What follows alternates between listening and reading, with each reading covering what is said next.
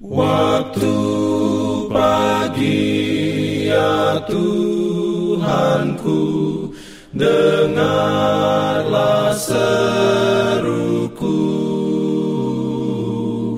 Melayang doa yang sungguh Memandang padamu. Selamat pagi pendengar Radio Advent Suara Pengharapan Mari mendengarkan suara Tuhan melalui tulisan pena inspirasi menjadi putra dan putri Allah. Renungan harian 3 November dengan judul Bait Allah harus menerima perhatian yang tetap. Ayat inti diambil dari 2 Korintus 6 ayat 16.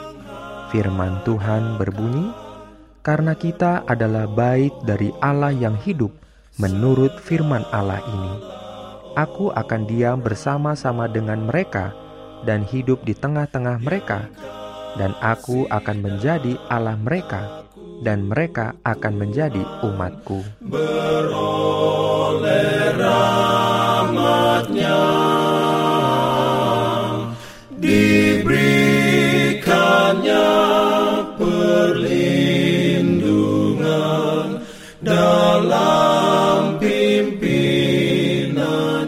Urayanya sebagai berikut. Kita harus mematuhi hukum kerajaannya, membuat diri kita menjadi yang mungkin bagi kita.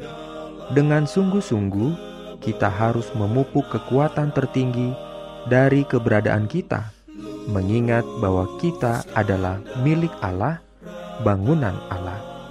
Kita dituntut untuk meningkat setiap hari, bahkan di dunia yang penuh dosa dan kesedihan ini kita dapat dengan sungguh-sungguh, dengan upaya yang gigih, naik ke kebergunaan spiritual yang tertinggi.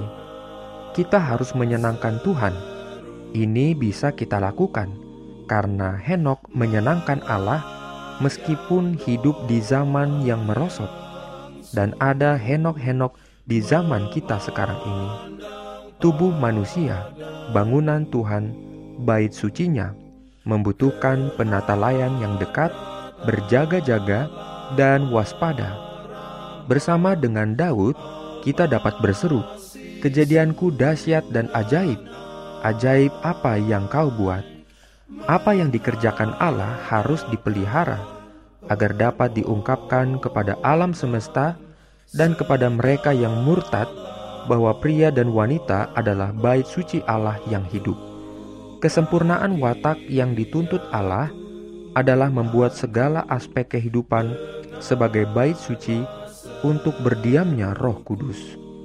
Tuhan membutuhkan pelayanan dari seluruh mesin manusia. Dia menginginkan pria dan wanita untuk menjadi seseorang yang melakukan sesuatu yang mungkin dapat mereka lakukan sesuai kesanggupan yang Allah berikan tidak cukup untuk bagian-bagian tertentu dari mesin yang akan digunakan. Semua bagian harus dijalankan, atau layanan ini kurang mencukupi. Kehidupan fisik harus dididik, dipupuk, dan dikembangkan dengan hati-hati, sehingga melalui pria dan wanita sifat ilahi dapat dinyatakan secara sempurna. Tuhan mengharapkan manusia untuk menggunakan kecerdasan yang telah Dia berikan kepada mereka. Dia mengharapkan mereka untuk menggunakan setiap kekuatan pertimbangan baginya. Mereka harus memberikan apa yang direncanakan Allah tempat yang tertinggi bagi hati nurani. Kekuatan mental dan fisik dengan kasih harus diolah sedemikian rupa sehingga mereka dapat mencapai efisiensi tertinggi. Amin. Pimpin aku ya roh Allah dalam kebenaran. Jangan lupa untuk melanjutkan bacaan Alkitab sedunia. Percayalah kepada nabi-nabinya yang untuk hari ini melanjutkan dari buku 2 Tesalonika pasal 2. Selamat beraktivitas hari ini. Tuhan memberkati kita semua. Jalan keselamatan.